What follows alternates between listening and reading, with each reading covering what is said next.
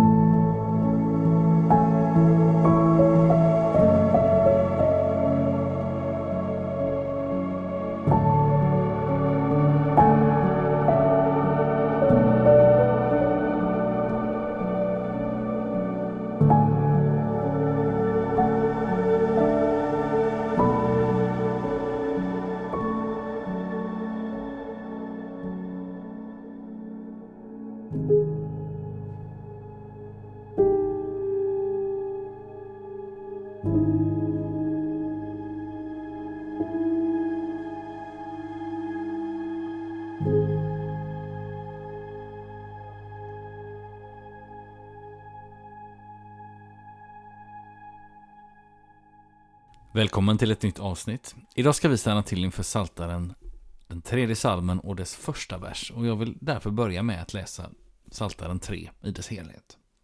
En psalm av David när han flydde för sin son Absalom. Herre, mina fiender är många. Många reser sig mot mig. Många säger om mig, han får ingen hjälp av Gud. Men du, Herre, är min sköld och min ära. Du är den som ger mig seger. Jag ropar högt till Herren och han svarar från sitt heliga berg. Jag lade mig ner, jag sov, jag vaknade. Herren stödde mig. Jag fruktar ej för de tiotusen som ansätter mig från alla håll. Herre, grip in, rädda mig, min Gud. Du slår mina fiender på käken, du krossar de gudlösas tänder. Hjälpen kommer från Herren. Ge välsignelse åt ditt folk. Och idag stannar vi alltså till för den första versen här i psalm 3 där det står en psalm av David när han flydde för sin son Absalom. Ja, idag går vi in i en ny psalm, den tredje, som börjar med en kort beskrivning av det sammanhang där denna psalm har kommit till. Vi får höra att det är en psalm av David när han flydde för sin son Absalom. Och vi kan läsa om den här händelsen i Andra Samuelsboken kapitel 15, vers 13 och framåt. Och vill man ha det större sammanhanget med David och Absalom lite mer klart för sig kan man börja läsa ifrån till exempel Andra Samuelsboken kapitel 3 och framåt. Många av psalmerna i Saltaren inleds med någon form av enklare överskrift såsom en psalm av David eller en psalm av Asaf eller bara kort och gott en psalm. Men det finns några exempel på överskrifter som, likt den vi stannar till vid idag, mera utförligt beskriver den bakomvarande situationen där salmen har kommit till. Exempelvis i Salta salmerna 7, 18, 34, 51 med flera. Och dessa inledande beskrivningar påminner oss om något mycket viktigt, nämligen att varje psalm, varje bön, varje rop till Gud har sitt ursprung i det verkliga livet. På en viss plats och i en viss tid och situation. Alla böner, både de som formuleras fritt och direkt ur oss själva och de som vi kan hitta samlade och nedskrivna, alla böner har sitt ursprung i att Gud har kommit till oss och med sin ande manat oss att börja bedja. Vår bön är Guds verk i oss. Paulus han skriver i Romarbrevet 8 att på samma sätt är det när anden stöder oss i vår svaghet. Vi vet ju inte hur vår bön egentligen bör vara, men anden vädjar för oss med rop utan ord. Och han som utforskar våra hjärtan vet vad anden menar, eftersom anden vädjar för de heliga, så som Gud vill. Jag läser detta i Romarbrevet 8, verserna 26 och 27. Även den bön som måste vara världens mest kända och använda, den som kallas för Herrens bön eller Vår Fader eller Fader vår, beroende på vilken variant man använder, har sitt ursprung i en viss situation. Evangelisten Lukas beskriver hur Jesus en gång stannat till på ett ställe för att be och när han slutat be sa en av lärjungarna till honom Herre, lär oss att be. Det läser vi om i Lukas 11, vers 1. Jesus svar blir den gången inte en lektion i hur en människa ska be. Istället ger han oss en faktisk bön med faktiska ord som vi ska använda. På andra ställen i evangelierna visar Jesus hur vi ska be. Han talar exempelvis i ett sammanhang om vikten av att be i ande och sanning. Johannes 4, verserna 23 och 24. I ett annat om hur viktigt det är med avskildhet och att inte tro att det är mängden ord som avgör om Gud hör det som en människa ber. Det läser vi i Matteus 6, verserna 5 till och med 8. Utifrån dessa böneråd är det möjligt att upptäcka nya djup. Också i den bön som Jesus själv har lärt oss. En bön som vi ibland kanske tycker är väldigt alldaglig. För att som i Herrens bön få be att Guds namn ska bli helgat och att hans rike ska komma. Att få be om dagligt bröd, förlåtelse och räddning från det onda är något som i varje situation bjuder in Gud och hans rike och verklighet mitt i den situation där just jag är. Låt oss be. Fader vår som är i himmelen. Helgat var det ditt namn. Tillkommer ditt rike. Ske din vilja. Så som i himmelen, så och på jorden. Vårt dagliga bröd giv oss idag och förlåt oss våra skulder, så som och vi förlåta dem oss skyldiga äro. Och inled oss icke i frestelse, utan fräls oss ifrån ondo. Ty riket är ditt och makten och härligheten i evighet. Amen.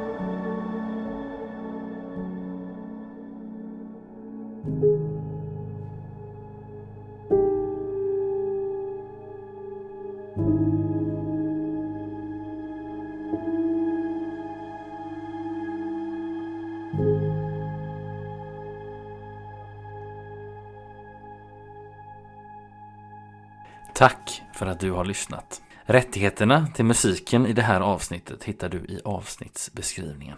Tills vi hörs igen önskar jag dig allt gott och Guds rika välsignelse. Hej då!